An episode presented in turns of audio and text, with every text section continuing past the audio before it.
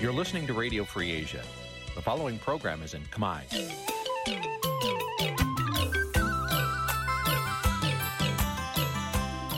Nǐ chi càm bi tiệp xáy vệt chiu a zì sê នេះជាកម្មវិធីផ្សាយរបស់ Vithu Azisari ជាភាសាខ្មែរ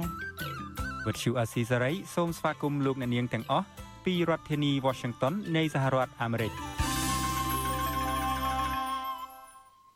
ចាប់ផ្សាយផ្ទាល់ពីរដ្ឋធានី Washington នាងខ្ញុំសុជីវីសូមជម្រាបសួរលោកអ្នកនាងកញ្ញាដែលកំពុងតាមដានការផ្សាយរបស់ Vithu Azisari ទាំងអស់ជាទីមេត្រីយើងខ្ញុំសូមជូនកម្មវិធីផ្សាយសម្រាប់យប់ថ្ងៃអាទិត្យចាប់8កើតខែមិញឆ្នាំខាលចត្វាស័កពុរសករាជ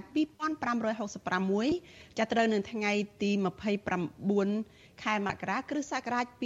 2023ចាជាដំបូងនេះសូមអញ្ជើញលោកអ្នកនាងស្ដាប់ព័ត៌មានប្រចាំថ្ងៃដែលមានមេតិការដូចតទៅ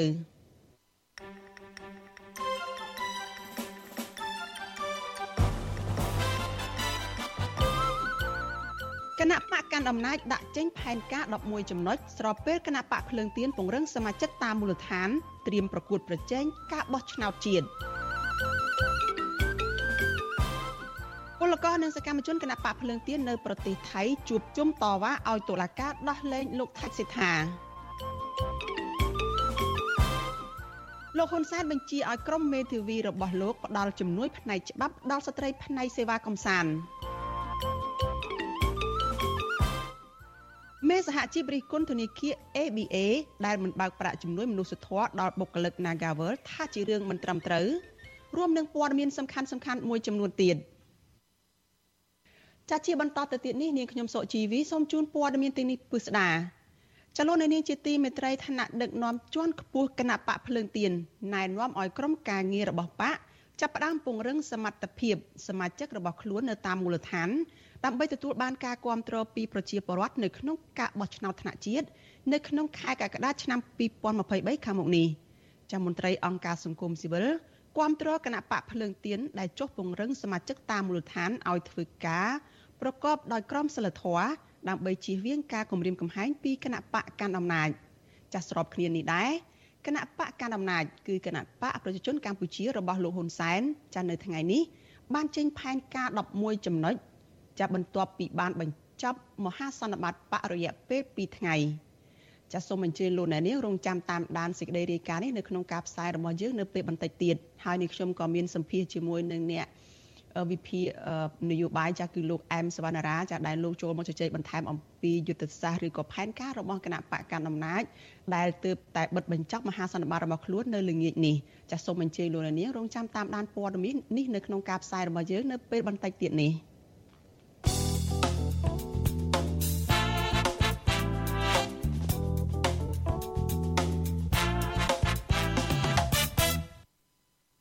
ចាលោកនាងជាទីមេត្រីស្របពេលដែលគណៈបកកណ្ដាលអំណាចដាក់ចេញនៅផែនការដែលជាសេចក្តីសម្រេចរបស់មហាសន្និបាតរបស់ខ្លួននៅល្ងាចនេះចាស់ស្របគ្នានេះគឺលោកហ៊ុនសែនដែលជាប្រធានគណៈបកនេះក៏បានចេញប័ណ្ណបញ្ជាថ្មីមួយដែរចាអ្នកវិភាគនយោបាយនិងសហជីពលើកឡើងថាការដែលមេបកកណ្ដាលអំណាចចាត់តាំងឲ្យក្រុមមេធាវីស្ម័គ្រចិត្ត ជួយផ្ដល់សេវាផ្នែកច្បាប់ទៅដល់ស្ត្រីបម្រើផ្នែកសេវាកម្មកំសាន្តនៅទូទាំងប្រទេសនោះគឺជារឿងដដែលដដែលដែលមិនអាចជួយឲ្យស្ត្រីរងគ្រោះបានច្រើននោះទេពួកគេយល់ថារដ្ឋាភិបាលគួរតែកែតម្រង់ប្រព័ន្ធយុត្តិធម៌ទាំងមូលទើបអាចផ្ដល់យុត្តិធម៌ពិតប្រាកដទៅដល់ប្រជាពលរដ្ឋគ្រប់រូបចាលោកថាថៃរាយការណ៍ព័ត៌មាននេះនៅមុនការបោះឆ្នោតជាតិខិតជិតមកដល់ប្រមុខដឹកនាំគណៈបកកណ្ដាលអំណាចលោកហ៊ុនសែន បានបញ្ចេញសារនយោបាយមួយទំនងជាដើម្បីស្អំចិត្តនិងស្វែងរកការគ្រប់គ្រងពីក្រមស្ត្រីបម្រើសេវាកំសាន្តដែលវិស័យមួយនេះកំពុងរីកដុះដាលខ្លាំងនៅកម្ពុជាលោកហ៊ុនសែនបានចាត់តាំងឲ្យក្រុមមេធាវីសមាជិករបស់លោកជួយផ្ដល់សេវាផ្នែកច្បាប់និងការពារសិទ្ធិនារីបម្រើសេវាកំសាន្តនៅទូទាំងប្រទេសក្នុងករណីពួកគាត់ទទួលរងការរំលោភបំពានឬអំពើហិង្សាណាមួយលោកហ៊ុនសែនលើកឡើងបែបនេះនៅក្នុងមហាសន្និបាតវិសាមញ្ញតំណាងទូទាំងប្រទេសរបស់គណៈបកប្រជាជនកម្ពុជា នៅព្រឹកថ្ងៃទី29ខែមករាដើម្បីដាក់ផែនការស្វែងរកការគ្រប់គ្រងពីប្រជាពលរដ្ឋសម្រាប់ការបោះឆ្នោតនៅខែកក្កដាខាងមុខអ្នកវិភាគនយោបាយលោកកឹមសុខយល់ថាការប្រកាសរបស់លោកហ៊ុនសែននេះគ្រាន់តែជាការកេងចំណេញប្រជាប្រិយភាពនយោបាយមុនការបោះឆ្នោតប៉ុណ្ណោះព្រោះមេបកកាន់អំណាចរូបនេះធ្លាប់ប្រកាសច្រើនដងមកហើយក៏ប៉ុន្តែអនុវត្តមិនបានលទ្ធផលសម្រាប់បុគ្គលិកកម្មករផ្នែកសេវាកំសាន្តនោះទេលោកថាប្រសិនបើលោកហ៊ុនសែនចង់ជួយពលរដ្ឋពិតប្រាកដនោះ ត្រូវរៀបចំប្រព័ន្ធការងារឲ្យមានរបៀបរៀបរយនិងត្រូវធ្វើកំណែតម្រង់ប្រព័ន្ធយុតិធធទាំងមូល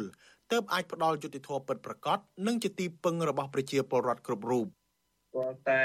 រដ្ឋាភិបាលលោកនាយករដ្ឋមន្ត្រីហ៊ុនសែនហ្នឹងរៀបចំប្រព័ន្ធរដ្ឋបាលមួយដែលគ្មានអង្គើបពពួកនិយមនិងពុករលួយធ្ងន់ធ្ងរហើយទី2ប្រព័ន្ធតុលាការ ជាតិមួយ ដែលធានាបាននៅយុតិធធពេញសមត្ថភាពក្នុងការអនុវត្តច្បាប់ហើយទី3កងកម្លាំងដែលអនុវត្តច្បាប់នានាត្រូវធានាបាននៅសុចរិតភាពរបស់ខ្លួន ក្នុងការបំពេញបេសកកម្មហើយទី4ត្រូវអំពីដល់ជំនួយដោយក្រសួងសង្គមគិច្ចរបស់រដ្ឋតែម្ដងឬក៏ក្រសួងការងារនៅពេលដែលនារីទាំងអស់នោះមានការចាំបាច់នៅក្នុងការរកសេវារកយុត្តិធម៌ការងារជាដើម កាលពីឆ្នាំ2019លោកហ៊ុនសែនធ្លាប់ប្រកាសប្រើប្រាស់ថវិកាផ្ទាល់ខ្លួននិងប្រមូលលុយពីក្រុមអង្គញាដើម្បីបង្កើតក្រុមមេធាវីស្ម័គ្រចិត្តជួយការពារក្តីដល់ស្ត្រីក្រីក្រដែលគ្របដណ្ដប់ទាំងក្រុមកម្មកររោងចក្រទោះជាយ៉ាងណាក្រុមមេធាវីស្ម័គ្រចិត្តរបស់លោកហ៊ុនសែននេះរងការរិះគន់ថាជួយតែលើករណីតូចតាចឬករណីដែលមានការចាប់អារម្មណ៍ពីមហាជន តែមិនពាក់ព័ន្ធនឹងរឿងនយោបាយនិងក្រុមអ្នកមានលុយមានអំណាចមួយចំនួនដោយឡែក ករណីក្រុមស្ត្រីដែលរងគ្រោះដោយភាពអយុត្តិធម៌ផ្សេងផ្សេងដូចជាក្រុមបុគ្គលិកនាការវើលក្រុមកម្មកររោងចក្រក្រុមស្ត្រីដែលទាមទារសិទ្ធិសេរីភាពទាមទារដីធ្លីផ្ទះសម្បែងនិងក្រុមស្ត្រីដែលជាប្រពន្ធកូនរបស់សកម្មជនបកប្រឆាំងជាដើមលោកហ៊ុនសែនមិនដាល់បញ្ជាឲ្យក្រុមមេធាវីរបស់លោកយកផ្នែកមើលនោះទេកន្លងមកក្រុមស្ត្រីទាំងនេះតែងតែទទួលរងនឹងការបៀតបៀនការធ្វើទុកបុកម្នេញ ការចោតប្រកាន់និងការចាប់ខ្លួនទាំងអយុធធរជាបន្តបន្ទាប់ដោយអាជ្ញាធររដ្ឋនិងស្ថាប័នតុលាការតាមបណ្ដឹងរបស់ក្រុមហ៊ុននិងក្រុមអ្នកមានអំណាចមួយចំនួនទាក់ទងករណីនេះវិទ្យុអាស៊ីសេរីមិនអាចសុំការឆ្លើយតបពីប្រធានក្រុមមេធាវីស្ម័គ្រចិត្តរបស់លោកហ៊ុនសែនគឺលោកគីតិចបានទេនៅថ្ងៃទី29ខែមករា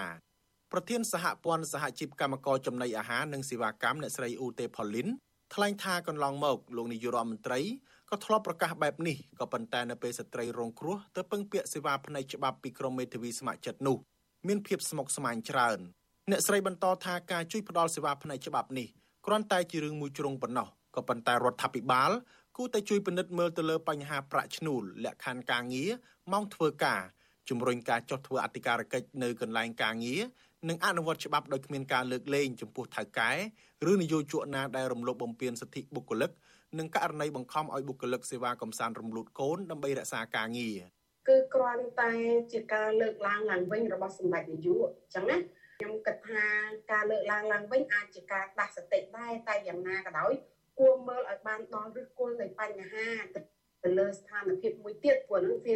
ជាស្ថានភាពសោនៅផ្ទៃខាងលើតែផ្ទៃមួយទៀតគឺស្ថានភាពរបស់ ស្ត្រីផ្ទាល់ដែលគាត់ទៅហ៊ាននិយាយចេញទៅលើស្ថានភាពពើសារការបៀតបៀននិងផ្សេងផ្សេងតើត្រូវធ្វើអីដើម្បីគ្រប់គ្រងឲ្យគាត់ហ្នឹងមិនអញើតមិនខ្លាចរអានៅក្នុងការនិយាយចេញតើតែបរិយាកាសនៅក្នុងការគាំពៀការលើកទឹកចិត្តហ្នឹងវាអំណោយផលសម្រាប់សេរីភាពនៅក្នុងការបញ្ចេញមតិដែរទៅស្ត្រីហ្នឹងឬក៏ជនរងគ្រោះហ្នឹងនិយាយចេញដោយភាពទុកចិត្តណាស្ត្រីសេវាកំសាន្តត្រូវបានសហជីពបានប្រមាណក្រៅផ្លូវការថាមានចំនួន80000នាក់ហើយភាគច្រើនជាមនុស្សពេញវ័យ កម្មករនិយោជិតជាស្ត្រីដែលបម្រើការងារផ្នែកសេវាកំសាន្តរាប់បញ្ចូលដូចជាអ្នកធ្វើការតាមបៀកាដិនខារ៉ាអូខេសេវាកំសាន្តពេលរាត្រី អ្នកចម្រៀងតាមរាំងកាសាល អ្នកផ្សព្វផ្សាយស្រាបៀរអ្នកម៉ាស្សាអ្នកធ្វើការកាស៊ីណូអ្នករៀបចំបន្ទប់តាមផ្ទះសំណាក់ឬសន្តាគារជាដើមអ្នកវិភាគនយោបាយសង្កេតឃើញថានៅមុនការបោះឆ្នោតម្ដងម្ដងលោកហ៊ុនសែនតែងតែបង្ហាញសារយកចិត្តទុកដាក់ចំពោះក្រុមអ្នកដែលមានសម្លេងឆ្នោតច្រើនក៏ប៉ុន្តែក្រោយការបោះឆ្នោតរួច រដ្ឋាភិបាលរបស់លោកមិនបានយកចិត្តទុកដាក់ដោយការសន្យាឡើយខ្ញុំថាថៃពីទីក្រុងមែលប៊ន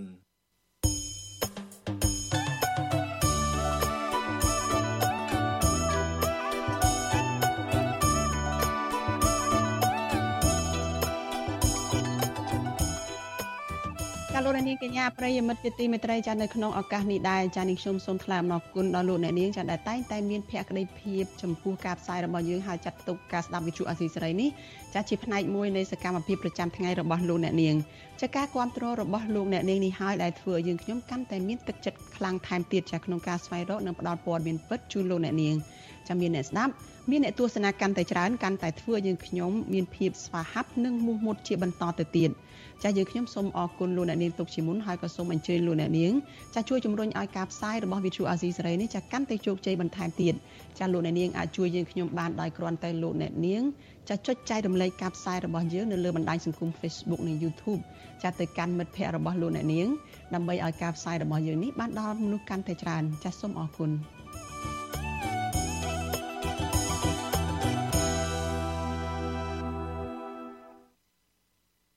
ចាលោកនាងជាទីមេត្រីចាថ្នាក់ដឹកនាំជាន់ខ្ពស់គណៈបកភ្លើងទៀនណែនាំឲ្យក្រុមការងាររបស់បកចាប់ផ្ដើមពង្រឹងសមត្ថភាពសមាជិកគណៈបកនៅតាមមូលដ្ឋានដើម្បីទទួលបានការគ្រប់គ្រងពីប្រជាពលរដ្ឋនៅក្នុងការបោះឆ្នោតថ្នាក់ជាតិដែលនឹងប្រព្រឹត្តទៅនៅខែកក្កដាខាងមុខនេះចាមន្ត្រីអង្គការសង្គមស៊ីវិល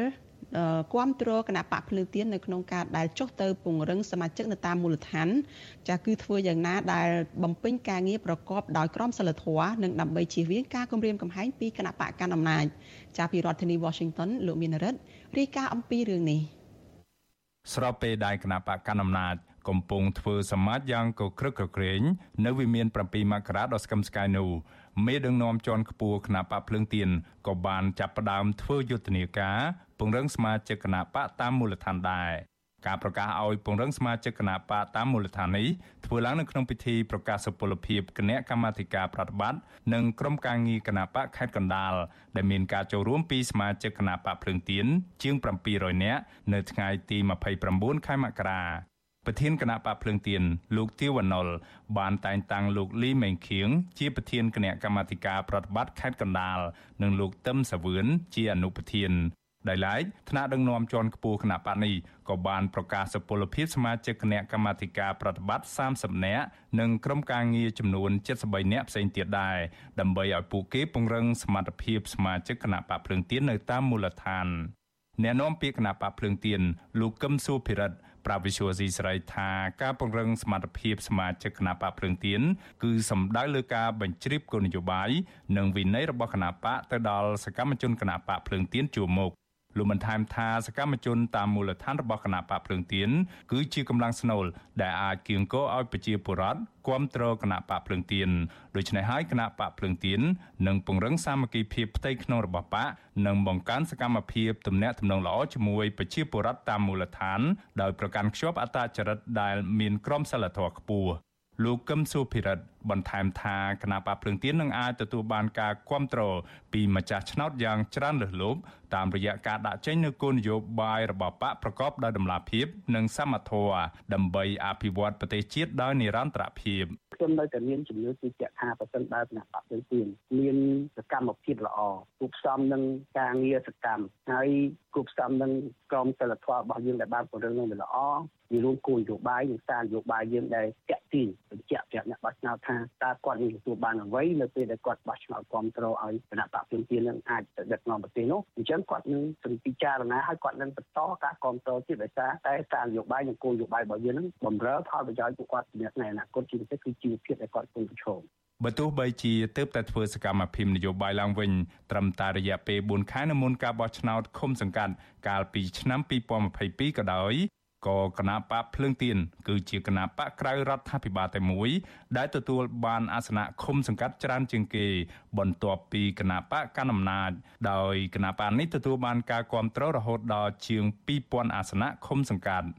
ជុំវិញរឿងនេះនាយកប្រតិបត្តិអង្គការឃ្លាំមើលការបោះឆ្នោតនៅកម្ពុជា Netflix លោកសំគុណធីមីគាំទ្រចំពោះគោលការណ៍ពង្រឹងសមត្ថភាពសមាជិកគណៈបកភ្លើងទៀនដែលប្រកាន់ខ្ជាប់នៅក្រមសីលធម៌ខ្ពស់ជាចម្បងព្រោះការប្រកាន់ខ្ជាប់បែបនេះមិនត្រឹមតែអាចទទួលបានការគាំទ្រពីប្រជាពលរដ្ឋតែប៉ុណ្ណោះទេក៏ប៉ុន្តែលោកថាការនេះក៏អាចបង្ការហានិភ័យពីការគំរាមកំហែងផងដែរ លោកសំគុណធីមីបន្ថែមថាគណៈបកភ្លើងទៀនក៏គួរបើកចិត្តឲ្យទូលាយដើម្បីទទួលយកធនធានមនុស្សដែលមានសមត្ថភាពពីខាងក្រៅដើម្បីតាក់ទាញការគ្រប់គ្រងនៅក្នុងការប្រកួតប្រជែងនយោបាយនៅក្នុងឆ្នាំ2023នេះ ជាមួយគ្នានេះដើម្បីឲ្យអ្នកឈ្នះទទួលបានកិត្តិយសនិងអ្នកចាញ់ចាញ់ដោយអស់ចិត្តពីការបោះឆ្នោតថ្នាក់ជាតិក្នុងពេលខាងមុខនេះលោកសំគុណធីមីសំណូមពរឲ្យរដ្ឋាភិបាលគួរបញ្ឈប់ការគំរាមកំហែងទៅលើដៃគូប្រកួតប្រជែងនយោបាយដោយត្រូវរក្សាទុកចោលនៅបណ្ដឹងទាំងឡាយណា ដែលពាក់ព័ន្ធជាមួយអ្នកនយោបាយខ្ញុំមានសំណពរដើម្បីរៀបចំទិធាការបោះឆ្នោតហ្នឹងឲ្យដំណើរការវាលូន មុនដំណើរការបោះឆ្នោតហ្នឹងទោះបីជាមានបណ្ដឹងមានអីជាបណ្ដឹងអីសូមសួរទុកមកកន្លែងទៅហើយអនុញ្ញាតឲ្យពួកគាត់ធ្វើសកម្មភាពនយោបាយដោយស្រីវិសុវអេស្រីមិនអាចតតងแนะនាំពាក្យគណៈបកប្រជាជនកម្ពុជាដើម្បីបកស្រាយជុំវិញរឿងនេះបាននៅឡើយទេនៅថ្ងៃទី29ខែមករា គណៈការបោះឆ្នោតកាន់តែខិតជិតមកដល់គណៈបកភ្លើងទៀនដែលជាគណៈបកនយោបាយតែមួយគត់អាចប្រគល់ប្រជែងជាមួយគណៈបកកណ្ដាលអំណាចត្រូវបានគេមើលឃើញថាកាន់តែទទួលរងនឹងការគំរាមកំហែងកាន់តែខ្លាំងថ្នាក់ដឹកនាំនិងសមាជិកជាច្រើនអ្នករបស់គណៈបកភ្លើងទៀននេះបានទទួលរងនឹងការចោទប្រកាន់ជាបន្តបន្ទាប់ពីសំណាក់តុលាការនៃរដ្ឋាភិបាលលោកនាយរដ្ឋមន្ត្រីហ៊ុនសែន ទោះជាយ៉ាងណាអ្នកនាំពាក្យគណៈបកភ្លើងទៀនលើកឡើងថាប៉ះសិនបើការបោះឆ្នោតខាងមុខនេះប្រព្រឹត្តទៅដោយសេរីត្រឹមត្រូវនឹងយុត្តិធម៌នោះនោះគណៈបកភ្លើងទៀននឹងអាចទទួលបានការគ្រប់គ្រងយ៉ាងច្រើនលើសលប់ពីប្រជាពលរដ្ឋនៅក្នុងការបោះឆ្នោតនៅថ្ងៃទី23ខែកក្កដាខាងមុខនេះខ្ញុំបានមេរិត Visual C ស្រីពីរដ្ឋធានី Washington ចាលោកនាងជាទីមេត្រីចាតកតងនឹងគណៈបកភ្លើងទៀននិងគណៈបកកាន់អំណាចពង្រឹងការងារបករបស់ខ្លួននេះចាតកតងទៅនឹងគណៈបកប្រជាជនកម្ពុជាចានៅថ្ងៃនេះគណៈបកនេះបានបញ្ចប់មហាសន្និបាតរបស់ខ្លួនរយៈពេល2ថ្ងៃហើយគណៈបកក៏បានចេញនៅផែនការចំនួន11ចំណុចចាដើម្បីបំពេញការងាររបស់គណៈបកបន្តទៅមុខទៀតហើយជាពិសេសនោះគឺជាការត្រៀមខ្លួនសម្រាប់ការបោះឆ្នោតនៅក្នុងឆ្នាំ2023នេះ ចានៅក្នុងនោះគណៈបកកណ្ដាលអំណាចក៏បានដាក់ចេញនៅផែនការយុទ្ធសាស្ត្រសំខាន់ចំនួន5ចាដែលជាផែនការយុទ្ធសាស្ត្រចម្បងរបស់គណៈបកនេះហើយជាមួយគ្នានេះគណៈបកអឺ ដែលមហាសន្និបាតរបស់គណៈបកហ្នឹងក៏បានប្រកាសគាំទ្របេក្ខភាពចាលោកយមត្រីហ៊ុនសែនជាបេក្ខភាពនាយករដ្ឋមន្ត្រីចានៅក្នុងអាណត្តិទី7ដែលនឹងបោះឆ្នោតនៅក្នុងខែកក្កដាខាងមុខនេះហើយចំណែកឯលោកហ៊ុនម៉ាណែតដែលជាកូនរបស់លោកហ៊ុនសែននោះគឺមហាសន្និបាតគាំទ្រថាជាបេក្ខជននាយករដ្ឋមន្ត្រីសម្រាប់ថ្ងៃអនាគតរបស់គណៈបកនេះ។ ចាតកតទៅនឹងរឿងនេះចានេះខ្ញុំមានសម្ភារផ្ទាល់មួយជាមួយលោកអែមសវណ្ណរាចាដែលលោកជាអ្នកជំនាញផ្នែកវិទ្យាសាស្ត្រនយោបាយនិងកិច្ចការអន្តរជាតិផងចាយើងនឹងជជែកលំអិតថាតើមានអ្វីខុសប្លែកគ្នាបន្ទាប់ពីគណៈបកកណ្ដាលអំណាចបិទបញ្ចប់មហាសន្និបាតរបស់ខ្លួនហើយដាក់ចេញនៅផែនការយុទ្ធសាស្ត្រសម្រាប់ការបោះឆ្នោតនេះថាតើរបបនយោបាយនៅកម្ពុជាមានការប្រែប្រួលអីយ៉ាងម៉េចខ្លះយើងនឹងផ្ដល់ឱកាសនេះទៅលោកអែមសវណ្ណរាចាដើម្បីលោកផ្ដល់ការវិភាគជូនលោកអ្នកនាងនៅយុគនេះចាសូមជម្រាបសួរលោកអែមសវណ្ណរាពីចម្ងាយចា បានជំរាបសួរបានស្រីជីវីជំរាបសួរប្រិយមិត្តអាស៊ីសេរីបានចាលោកអែមសវណ្ណរាសេចក្តីសម្រេចរបស់មហាសន្និបាតគណៈបកប្រជាជនកម្ពុជានឹងទើបតែចេញនៅមុននេះទេគឺរយៈពេលប្រហែល1ម៉ោងមុននេះទេគឺនៅក្តៅក្តៅនៅឡើយចាហើយលោកអែមសវណ្ណរាតើលោកបានឃើញសេចក្តី សម្រាប់នឹងហើយឬនៅតើមើលឃើញយ៉ាងម៉េចជាពិសេសនឹងតកតងទៅនឹងផែនការចំនួន5ចំណុចដែលជាផែនការយុទ្ធសាស្ត្ររបស់គណៈបកកណ្ដាលអំណាចចានេះខ្ញុំសូមអានជូនបន្តិចតកតងនឹងផែនការយុទ្ធសាស្ត្រទាំង5ចំណុចរបស់គណៈបកកណ្ដាលអំណាចនេះចាក្នុងនោះគណៈបក បង្ហាញថាការពារសន្តិភាពការពារឯករាជ្យអធិបតេយ្យបូរណភាពទឹកដីចាការពារសមិទ្ធផលនៃសង្គមជាតិឲ្យបានគង់វង្សស្ថិតស្ថេរចាកសាងប្រជាណាចក្រដែលជារដ្ឋប្រជាធិបតេយ្យចាពហុបកដ៏ជឿនលឿននិងរឹងមាំផ្អែកទៅលើច្បាប់ និងមានសេដ្ឋកិច្ចដ៏រឹងមាំហើយប្រកបដោយចីរភាពនិងសមធម៌ដែលធ្វើឲ្យប្រជាពលរដ្ឋនឹងមានជីវភាពសម្បូរសប្បាយចារស់នៅយ៉ាងសុខដុមប្រកបដោយកិត្តិយសសេចក្តីថ្លៃថ្នូរនិងមានការគោរពសិទ្ធិមនុស្សចាកសាងប្រព័ន្ធគាំពៀសង្គមដោយបរិយាបន្នប្រសិទ្ធភាពចីរភាពដែលធានាគាំពៀដល់ប្រជាពលរដ្ឋក្នុងការឆ្លើយតបចំពោះហានិភ័យសេដ្ឋកិច្ចហានិភ័យសុខភាពសាធារណៈនិងការងារងាយរងគ្រោះការប្រែប្រួលលក្ខខណ្ឌការងារនិងការរស់នៅ។ ចាស់ហើយបន្តអនុវត្តគោលនយោបាយឯករាជ្យផ្អែកទៅលើច្បាប់ហើយកសាងមិត្តភាពកិច្ចសហប្រតិបត្តិការឲ្យល្អប្រសើររវាងប្រជាណាចក្រកម្ពុជាចាជាមួយនឹងបណ្ដាប្រទេសនៅលើសកលលោកនិងអង្គការអន្តរជាតិនានាហើយចូលរួមសកម្មនៅក្នុងបុព្វហេតុសន្តិភាពស្ថិរភាពសន្តិសុខនិង វិបលភាពនៅក្នុងតំបន់និងនៅក្នុងពិភពលោកផងចានេះគ្រាន់តែជាយុទ្ធសាស្ត្រសំខាន់5របស់គណៈបកកណ្ដាលអំណាចនៅក្នុងចំណោមសេចក្តីសម្រេចរហូតដល់ទៅ11ចំណុចរបស់គណៈបកកណ្ដាលអំណាចនៅថ្ងៃនេះចាលោកអែមសវណ្ណរាតើលោកមើលឃើញយ៉ាងម៉េចចាលោកអាចផ្ដល់ការវិភាគជាទូទៅយ៉ាងម៉េចទៅលើរឿងនេះចាខ្ញុំខ្ញុំឃើញសេចក្តីសម្រេចរបស់មហាសន្មាធិការសមាជពិសេសរបស់វិសមាញរបស់គណៈបកនេះ មានការចាប់អារម្មណ៍ច្រើនក៏ប៉ុន្តែគាត់ថាយន្តការនៃការសម្រេចឬក៏ការកាត់កាត់ប្រញ្ញាចិត្តរបស់គណៈបកកណ្ដាលអំណាចអឺយើងលើកលើកចំណុចមួយពាក់ព័ន្ធនឹងរក្សានៅសន្តិភាពសន្តិសុខឬគេហៅថារីកតំណាក់តំណងឬក៏កសាងតំណងជាមួយបណ្ដាប្រទេសនានានឹងឲ្យបានរងមពេញលេញអានឹងខ្ញុំសាទរណាស់ខ្ញុំតែគាត់ថា សង្ឃឹមថាគណៈបកកណ្ដាលរក្សាជំហរនយោបាយកម្ពុជានេះឲ្យដូចនៅក្នុងឆ្នាំ2023 22កន្លងមកដែលយើងអាចទទួលបានការស្វាគមន៍ឬគេហៅថានៅបន្ទាត់នយោបាយជាមួយនឹងសហគមន៍អន្តរជាតិផ្អែកតាមគោលការណ៍ច្បាប់អន្តរជាតិនេះពាក់ព័ន្ធឧទាហរណ៍ថាការបញ្ជាក់ចំហទៅលើការថ្កោលទោសសហភាពសូវៀតសហព័ន្ធរុស្ស៊ីជាដើមលើជួយពីអ៊ុក្រែននេះគឺកម្ពុជាចូលលើបន្ទាត់នយោបាយកម្ពុជា កម្ពុជានេះជាមួយនឹងសហគមន៍អន្តរជាតិមិនខុសគ្នាទេព្រោះតែនៅហើយចំណុចនេះយើងអត់បានឃើញអំពីការបញ្ញាចិត្តអំពីរក្សានៅគោលនយោបាយអភិក្រិតដែលមានចែងនៅក្នុងរដ្ឋធម្មនុញ្ញជាកិច្ចការមួយដែលសំខាន់ដែលខ្ញុំចាប់អារម្មណ៍នឹងតាមដានបរិបទពីព្រោះកិច្ចការនេះវាពាក់ព័ន្ធទៅនឹងជំហររបស់កម្ពុជាកន្លងមកដែលលោកខាងលិចជាពិសេសសហរដ្ឋអាមេរិកតែងតែលើកឡើងអំពីកម្ពុជាដែលគេហៅថាអឺ មិនទាន់បានលៀងជំរះអំពីការចោទប្រកាន់ប្រកាសដាក់មានវត្តមានយោធាចិនអីនៅខេត្តរៀងជាដើមនេះជាកិច្ចការមួយដែលយើងចង់ដឹងឃើញការសម្រេចឬការបញ្ញាចិត្តរបស់គណៈបកកណ្ដាលអំណាចដែរមួយទៀតពាក់ព័ន្ធនឹងវិសាលការតែរក្សានៅវិបុលភាពដោយបរិយាបន្ននេះយើងឃើញជាទូទៅពលរដ្ឋកម្ពុជាដែលពុំសូវមានលទ្ធភាពគេហៅថារក្សាសុខភាពហ្នឹង ប្រព្រឹត្តទៅទៅធ្វើនៅក្នុងក្របខ័ណ្ឌប្រទេសកម្ពុជាដល់រហូតដល់អ្នកដែលមានលទ្ធភាពធំដុំពេញលេញគាត់ទៅរកសេវាតែសាសភាពនៅខាងក្រៅនេះជាកិច្ចការមួយដែលយើងឃើញថាខុសគ្នាដែលជួយឲ្យពលរដ្ឋហើយនឹងតែបរិយាកាសនៃការរកការងារឬក៏ចែកនៅផលលាភក្នុងសង្គមនេះហាក់ដូចជាពុំទាន់បានពេញលេញទេពីព្រោះពលរដ្ឋកម្ពុជានៅមានគេហៅថាធ្វើការចេញចំណាក់ស្រុកទៅថៃទៅ កូរ៉េទៅប្រទេសផ្សេងៗជាដើមនេះជាក្តីបារម្ភដែលយើងបារម្ភដែរហើយការអនុវត្តនៅវិជាធិបតេយ្យគ្រប់តាមគោលការណ៍ច្បាប់នេះខ្ញុំចង់បានចង់លឺហើយចង់ឃើញមានការអនុវត្តបានពេញលេញ100%ណាពីព្រោះកន្លងមកយើងឃើញការអនុវត្តនឹងគោលការណ៍ច្បាប់តែអឺបើយើងមើលច្បាប់រដ្ឋធម្មនុញ្ញកម្ពុជាស្របទៅនឹងកិច្ចព្រមព្រៀងក្រុងប៉ារីស23ដុល្លារ1991ហើយស្របទៅនឹងអឺគេ ហៅថា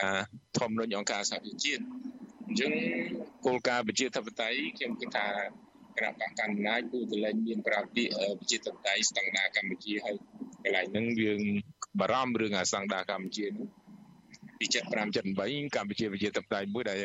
ធ្វើឲ្យពលរដ្ឋកម្ពុជាពិបាកដែរហ្នឹងគឺកំប្រើស្តង់ដារនិងប្រើស្តង់ដារអន្តរជាតិទៅមួយទៅពីព្រោះគោលការណ៍ច្បាប់វាតែមួយអាហ្នឹងដែល ដែលយើងអាចមើលឃើញជាទូទៅបាទអានេះជាការកត់សម្គាល់ហើយចំណុចតូចមួយទៀតដែល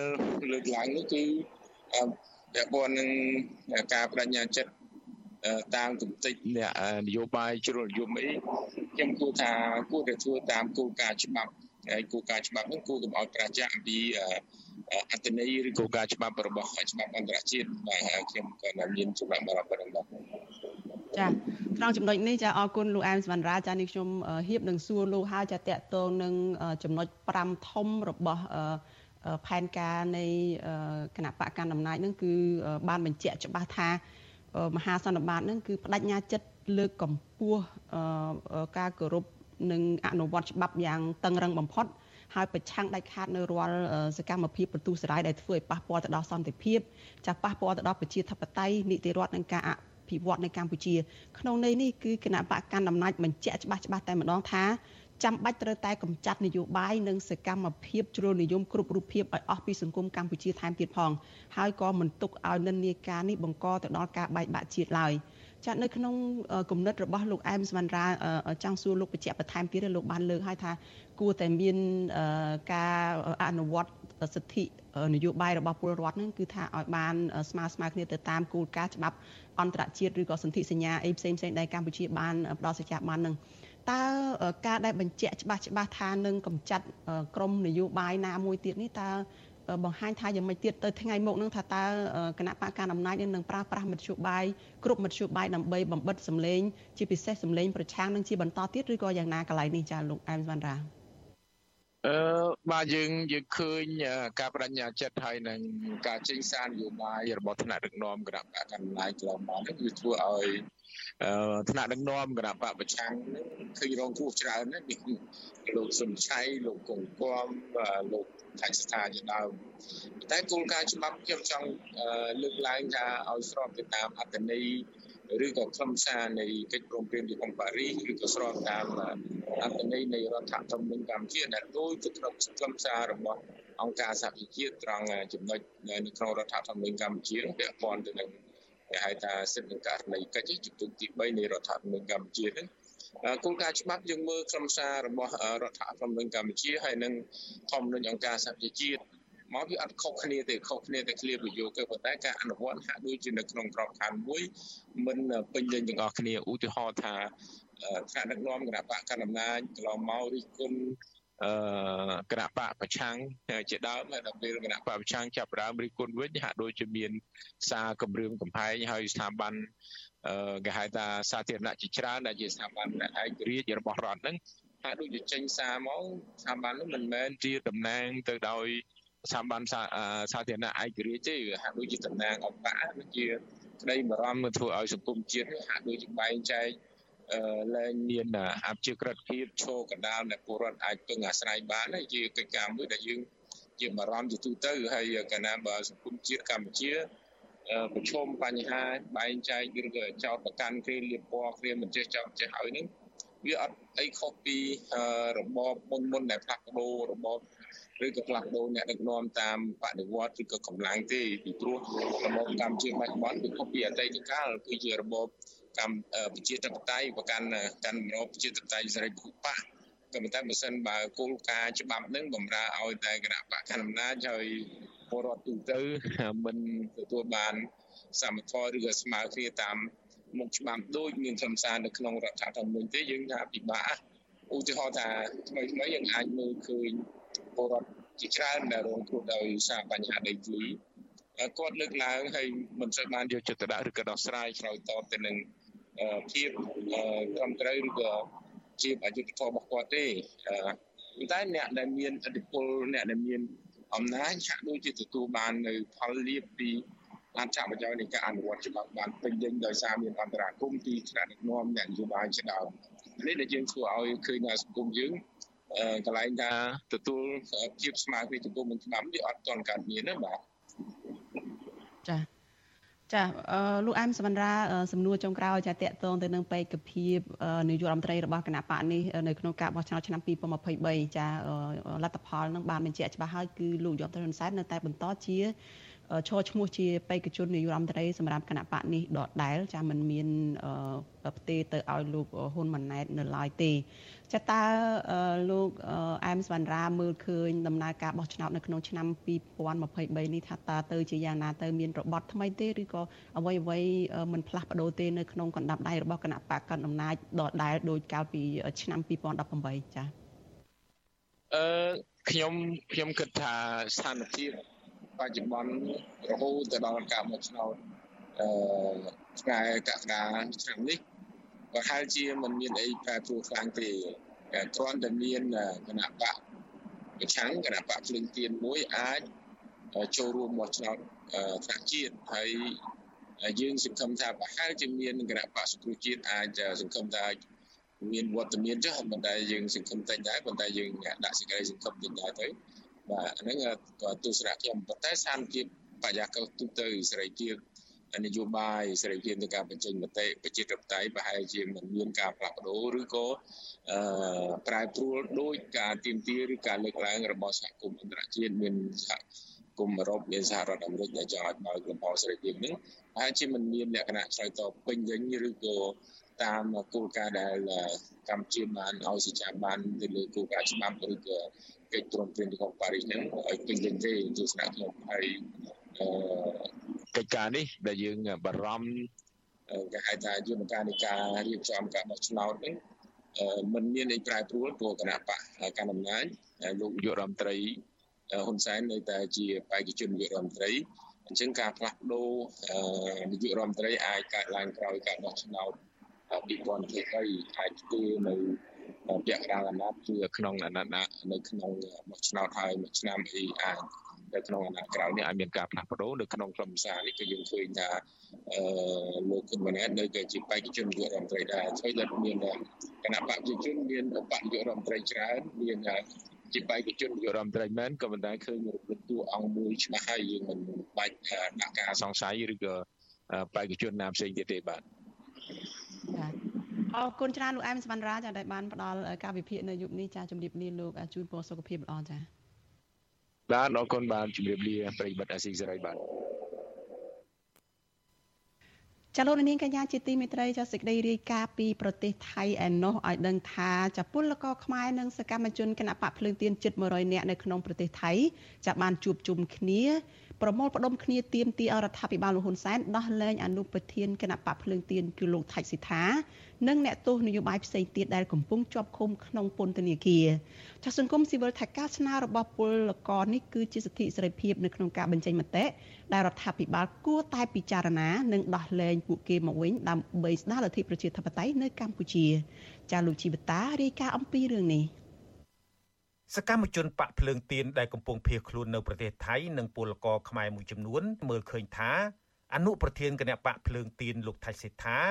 និងអ្នកនយោបាយជាច្រើនទៀតដែលកំពុងជាប់ឃុំមិនបានប្រព្រឹត្តខុសច្បាប់ដោយការចោទប្រកាន់របស់តុលាការឡើយហេតុនេះពួកគេទាមទារឲ្យតុលាការដោះលែងអ្នកជាប់ឃុំទាំងនោះឲ្យមានសេរីភាពឡើងវិញការជួបជុំតវ៉ាដែលមានលើកទង់ជាតិខ្មែរនិងទង់គណៈបកភ្លើងទៀន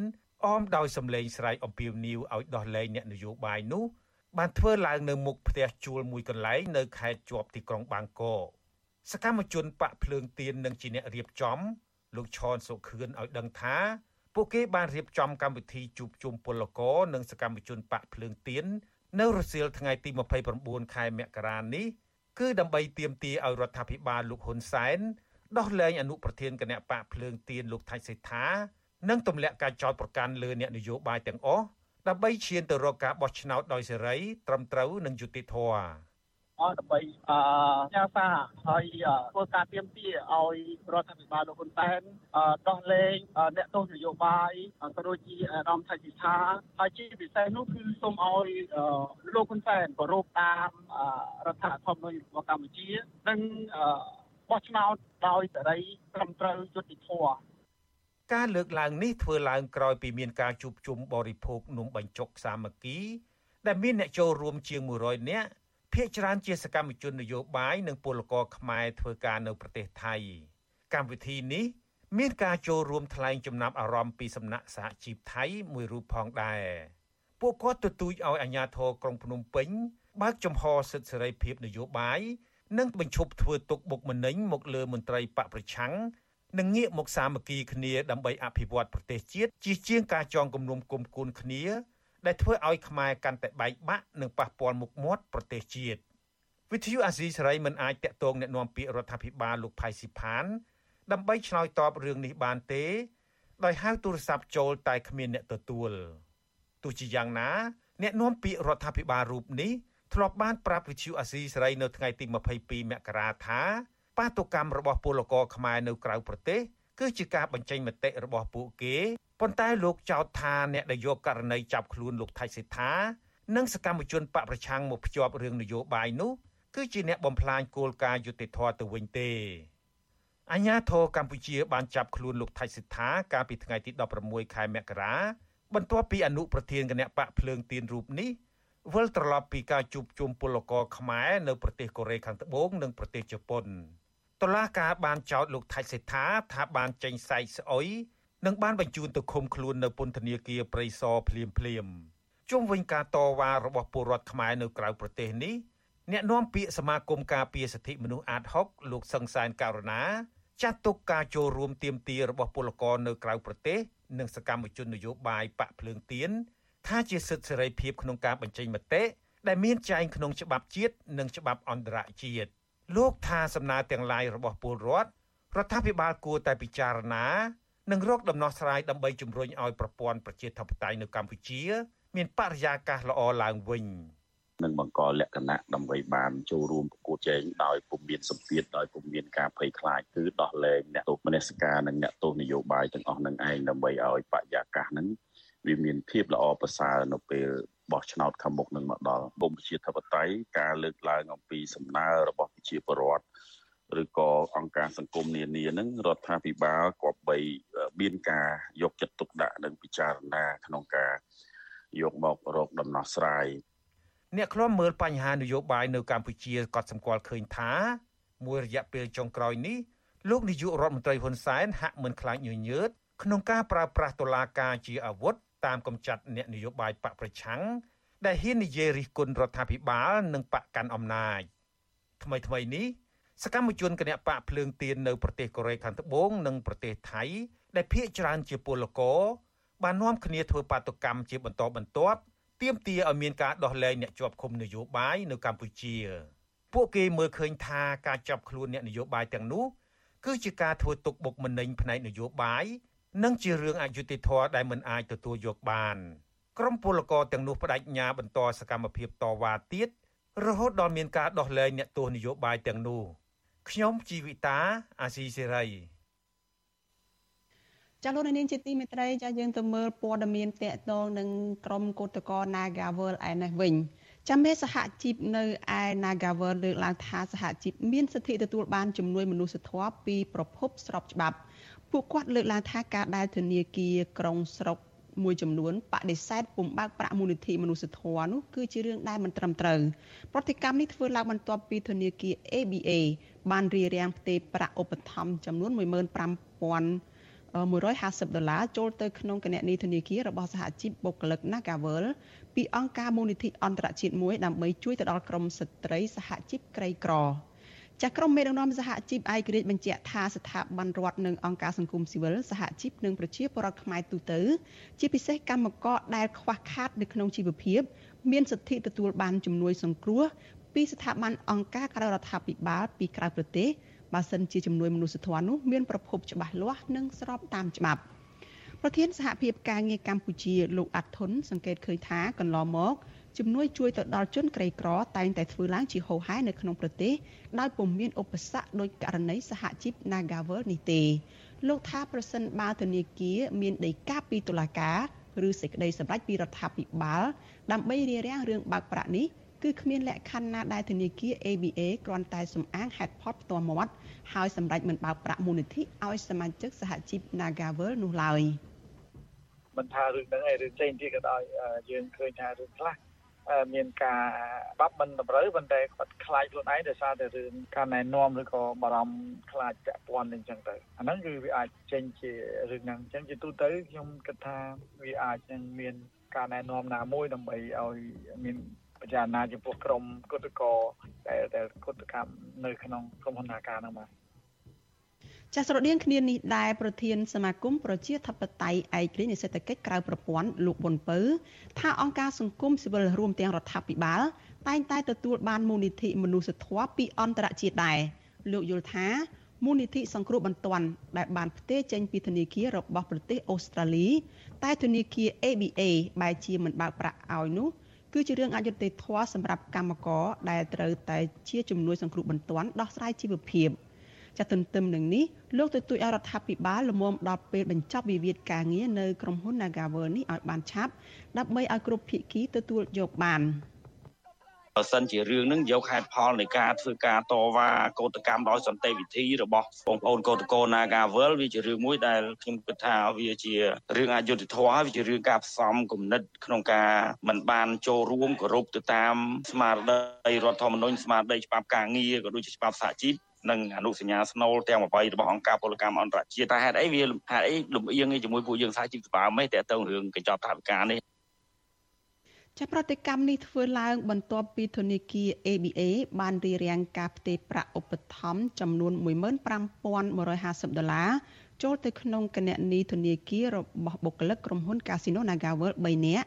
ពីអង្គការក្រៅរដ្ឋាភិបាលមួយនៅប្រទេសអូស្ត្រាលីឈ្មោះថាមូលនិធិសង្គ្រោះបន្ទាន់ដើម្បីជួយទៅដល់ក្រុមស្ត្រីសហជីពក្រីក្រនៅកម្ពុជាមូលនិធិសង្គ្រោះបន្ទាន់បានប្រាក់នោះផ្ញើមកក្នុងអំឡុងខែតុលានៅក្នុងឆ្នាំ2022ប៉ុន្តែត្រូវបានធនាគារផ្អឹបទប់ដោយមិនព្រមបើកឲ្យឡើយថ្មីថ្មីនេះទោះបីជាមានការពន្យល់ហេតុផលបែបណាក៏ដោយក៏ធនាគារ ABA មិនព្រមបើកប្រាក់ឲ្យដែរ ដោយចុងក្រោយបានសម្រេចបញ្ជូនប្រាក់ត្រឡប់ទៅម្ចាស់ដើមវិញនៅក្រោមហេតុផលថាបុគ្គលិក Nagawal ទាំងនោះមានវិវាទជាមួយក្រុមហ៊ុននិងខ្វះព័ត៌មានបញ្ជាក់ពីប្រភពលុយនោះវិទ្យុអាស៊ីសេរីនៅមិនទាន់អាចតាក់ទងអគ្គនាយិកាបច្ចេកទេសនិងជាអ្នកនាំពាក្យធនាគារជាតិនៃកម្ពុជាអ្នកស្រីជាសេរីនិងជានាយកប្រតិបត្តិអង្គការ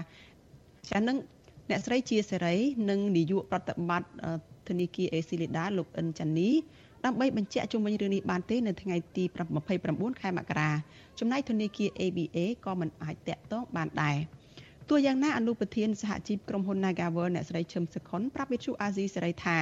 លុយដែលមូលនិធិនេះផ្ញើនោះគឺមានប្រភពត្រឹមត្រូវនៅក្នុងគោលបំណងជួយទៅដល់សមាជិកសហជីពរងគ្រោះស្ត្រីមានផ្ទៃពោះរួមទាំងក្មេងកុមារនៅក្នុងបន្ទុក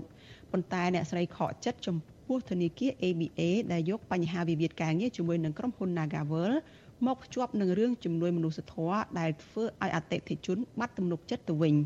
អ្នកស្រីឈឹមសុខុនថាមកដល់ពេលនេះអ្នកស្រីនៅមិនទាន់ទទួលបានព័ត៌មានអំពីប្រាក់ដែលធនាគារវេត្រឡប់ទៅវិញនោះពីខាងមុខនិធិថាតើទទួលបានឬនៅនោះទេ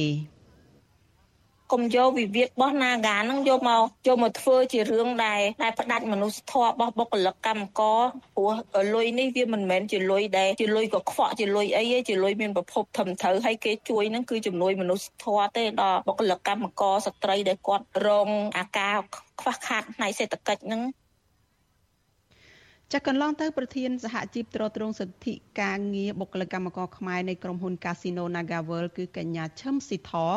គឺជាអ្នកប្រស្រ័យតាក់ទងដោយផ្ទាល់ទៅអង្គការមូលនិធិសង្គ្រោះបន្ទាន់ដើម្បីស្នើសុំថវិកាផ្ដល់ទៅដល់បុគ្គលិកនិងកម្មករកម្មការិនីដែលមានជីវភាពទីទ័លក្រ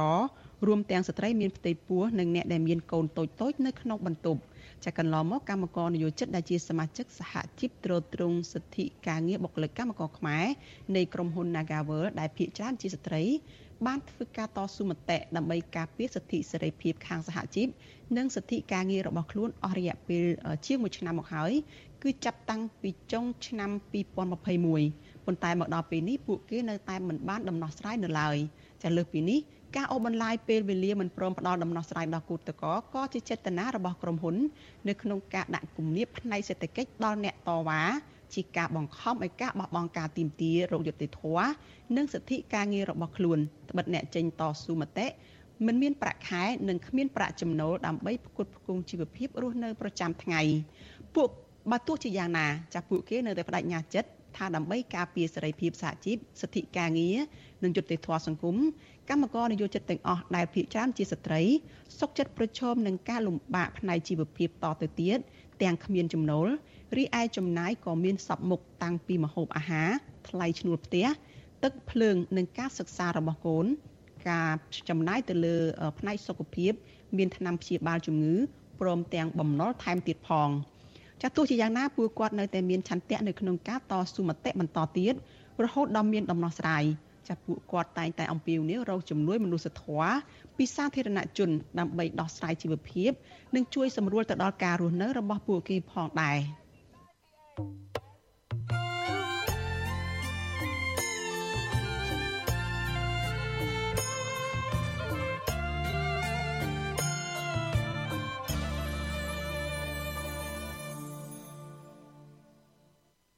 ចាលោកនាងកញ្ញាជាទីមេត្រីចាបន្តតាមដានព័ត៌មានរបស់វិទ្យុអាស៊ីសេរីតទៅទៀតចាព័ត៌មានជាបន្តទៅទៀតនេះចាតកតងទៅនឹងជនជាតិចិនដែលវិលត្រឡប់មកជាអ្នកទេសចរចូលមកកម្ពុជានេះឡើងវិញចាពលរដ្ឋខ្មែរមួយចំនួនដែលរស់នៅក្នុងក្រុងភ្នំពេញនិងនៅខេត្តទេសចរចាបានសម្ដែងមតិផ្ទុយពីការវិលត្រឡប់របស់ភ្ញៀវទេសចរចិន អ្នកខ្លះរំពឹងថា ភ្ញៀវទេសចរចិននេះគឺជាផ្នែកមួយដែលអាចជួយឲ្យកម្ពុជានេះអាចរកប្រាក់ចំណូលពីរបរអាជីវកម្មប្រចាំថ្ងៃបានច្រើនក៏ប៉ុន្តែក៏មានអ្នកខ្លះលើកឡើងថាចិនប្រើប្រាស់សេវាកម្មរបស់ជនជាតិចិនគ្នាឯងហើយខ្មែរមិនទទួលបានផលប្រយោជន៍ពីភ្ញៀវទេសចរចិនទាំងនោះទេចាសសូមស្ដាប់សេចក្តីរាយការណ៍របស់លោកសេកបណ្ឌិតអំពីរឿងនេះថ្មីត្បិតតែរដ្ឋាភិបាលលោកហ៊ុនសែនប្រកាសបើកចំហជើងមេឃទទួលភ្ញៀវទេសចរចិនដោយសម្រួលលក្ខខណ្ឌងាយស្រួល ដើម្បីជំរុញឲ្យសេដ្ឋកិច្ចជាតិមានភាពប្រសើរឡើងយ៉ាងណាក្តីក៏ពលរដ្ឋនៅក្នុងខេត្តបរសែននោះខ្លះនៅតែបន្តត្អូញត្អែពីបញ្ហាប្រឈមដោយសារលំហូរចូលនៃវត្តមានភ្ញៀវទេសចរចិនបញ្ហាប្រឈមសំខាន់គឺប្រជាពលរដ្ឋដែលប្រកបរបរសេដ្ឋកិច្ចក្រៅប្រព័ន្ធព្រួយបារម្ភចំពោះការផ្ទុះឡើងវិញនៅជំងឺ Covid-19 ហើយត្រូវផ្អាកការប្រកបរបរប្រចាំថ្ងៃខណៈពួកគាត់មួយចំនួន នៅតែជាប់បំណុលធនាគារ អ្នករត់ម៉ូតូកង់3ម្នាក់ក្នុងក្រុងបរសែននោះលោកវ៉ាន់វ៉ាតប្រាប់បទសុអសីស្រី នៅថ្ងៃទី28មករាថាលោកមិនសូវសង្ឃឹមថារកចំណូលបានពីភ្ញៀវទេសចរចិននោះទេព្រោះលោកមើលឃើញថាភ្ញៀវទេសចរចិនទាំងនោះភ ieck ច្រើន មានសេវាកម្មធ្វើដំណើររបស់ពួកគេហើយនៅពេលដែលពួកគេចេញដើរលេងកម្សាន្តម្ដងម្ដងជនជាតិចិនទាំងនោះតែងតែធ្វើដំណើរជាមួយអ្នករត់តាក់ស៊ីជាជនជាតិចិនដូចគ្នាលើពីនេះទៀតពួកគេព្រួយបារម្ភថា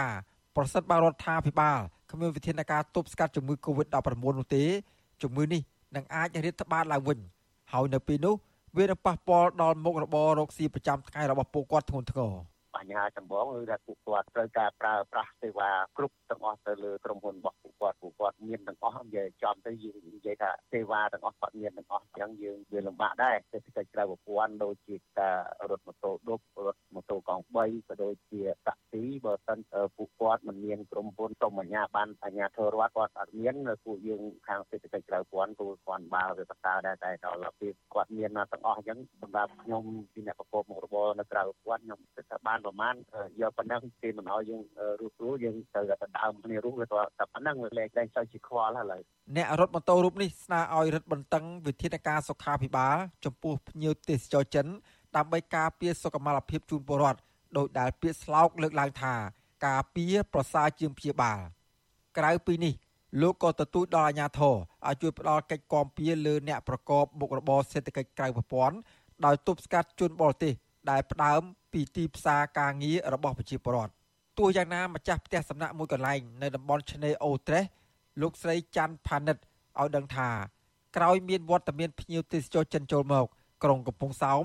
មានសភាពអ៊ូអរឡើងវិញហើយលោកស្រីរំពឹងថានឹងអាចរកចំណូលបានច្រើនជាងមុនទោះយ៉ាងណាលោកស្រីបញ្ជាក់ថាភ្ញៀវដែលមកជួលផ្ទះសំណាក់ស្នាក់នៅភ ieck ច្រើន ជាពលរដ្ឋខ្មែរចំណែកជនជាតិចិន មកជួលស្នាក់នៅ មានតិចតួចប៉ុណ្ណោះ។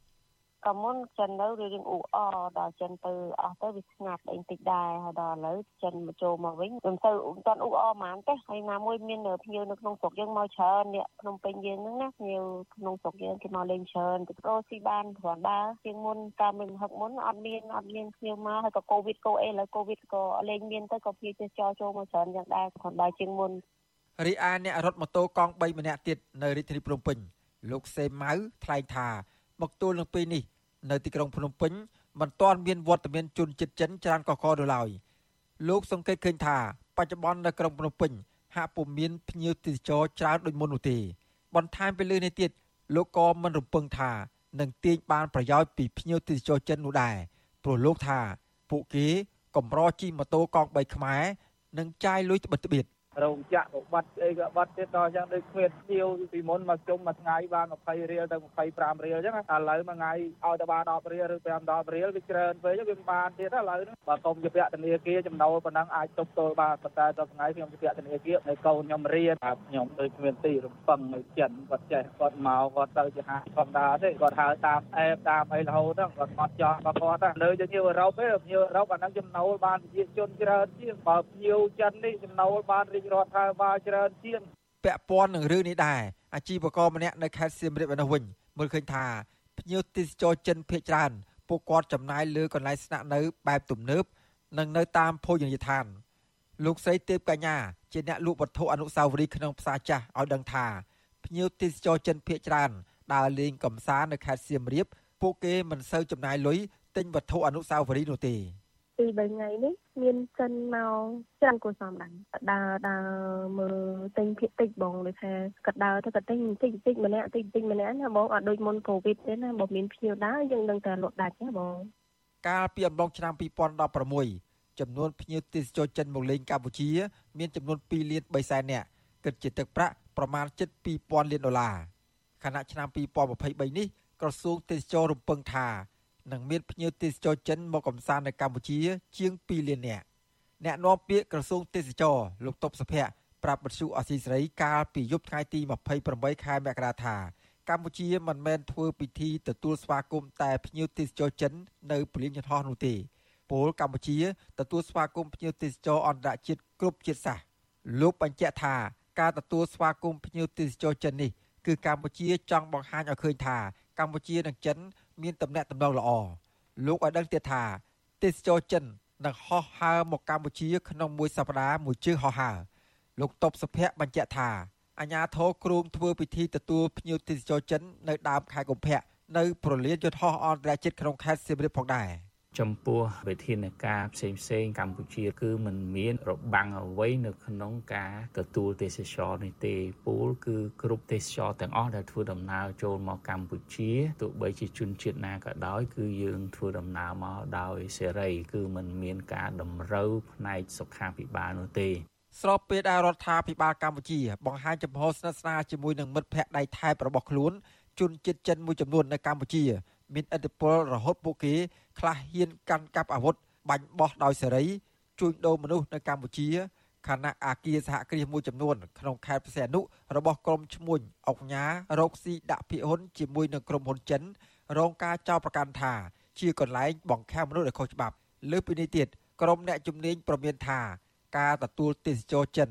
ស្របពេលដែលប្រទេសចិនផ្ទុះជំងឺ Covid-19 នេះ កម្ពុជាអាចប្រឈមនឹងហានិភ័យរីករាលដាលជំងឺ Covid-19 កាយសាហាវនេះជាថ្មីម្ដងទៀតប្រសិនបើរដ្ឋាភិបាលគ្មានវិធានការរឹតបន្តឹងផ្នែកសុខាភិបាលនោះទេ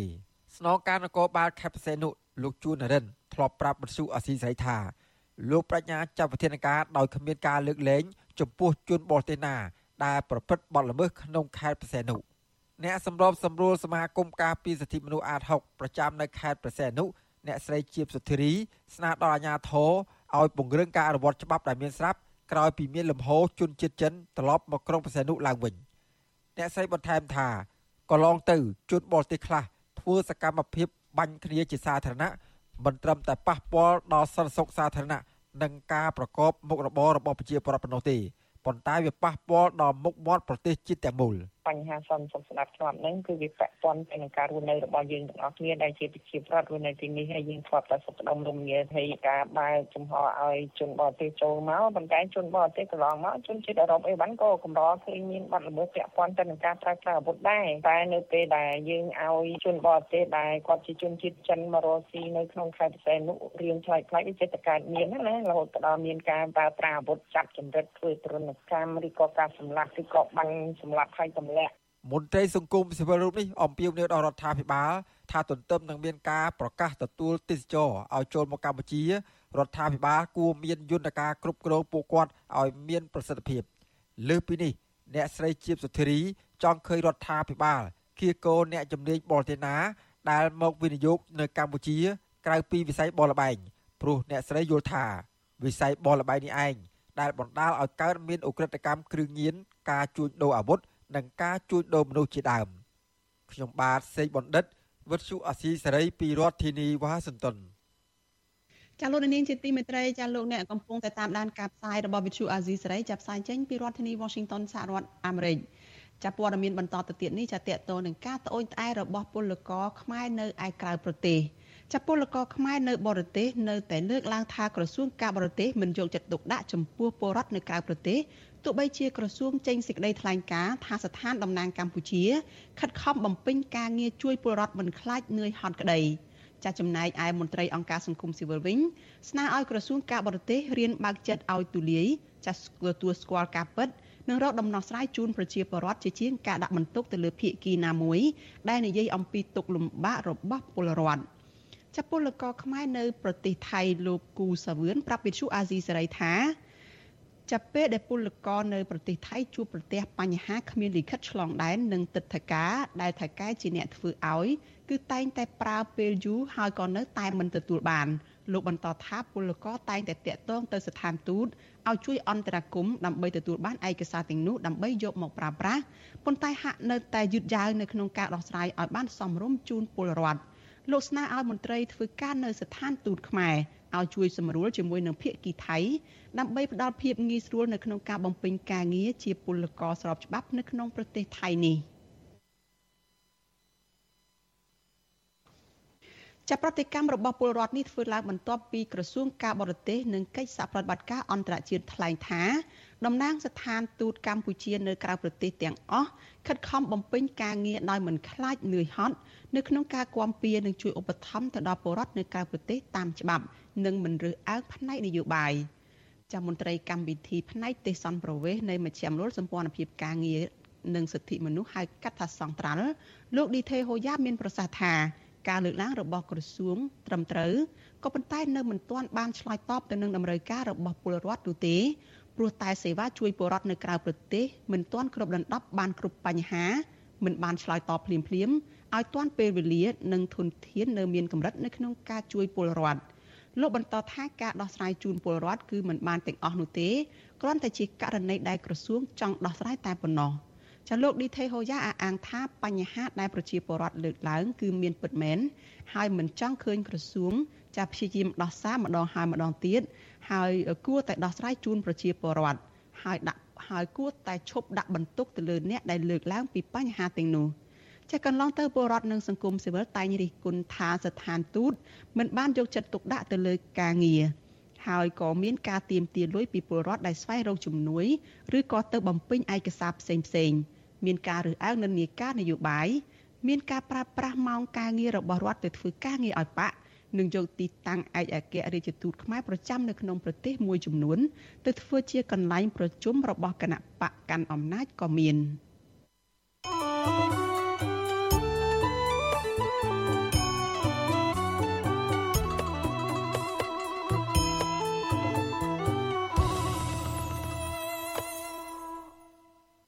ចាលោកនាងកញ្ញាជាទីមេត្រីក្រសួងព័ត៌មានចាប់ផ្ដើមហៅអ្នកសារព័ត៌មានអនឡាញមកណែនាំឲ្យធ្វើការងារប្រកបដោយវិជ្ជាជីវៈនិងក្រមសីលធម៌ចាកាលពីថ្ងៃទី27ខែមករាកន្លងទៅចំណាត់ការនេះធ្វើឡើងបន្ទាប់ពីមានបញ្ជាពីលោកហ៊ុនសែនឲ្យហៅអ្នកសារព័ត៌មានអនឡាញទាំងអស់យកទៅអប់រំចាអ្នកជំនាញខាងសារព័ត៌មានយល់ថាការណែនាំអ្នកសារព័ត៌មានមានវិជ្ជាជីវៈគឺជារឿងល្អហើយប្រសិនបើការណែនាំនោះមិនទៅតាក់ មិនបានបង្គាប់បញ្ជាឲ្យអ្នកសារព័ត៌មានធ្វើនេះធ្វើនោះដែលប៉ះពាល់ទៅដល់ការអនុវត្តសិទ្ធិសេរីភាពការការងាររបស់ពួកគេចាលោកនេះនឹងបានស្ដាប់សេចក្តីរាយការណ៍នេះពិស្ដារនៅក្នុងការផ្សាយរបស់យើង នៅព្រឹកស្អែកចាដែលនឹងចាប់ផ្ដើមពីម៉ោង5កន្លះដល់ម៉ោង6កន្លះព្រឹក។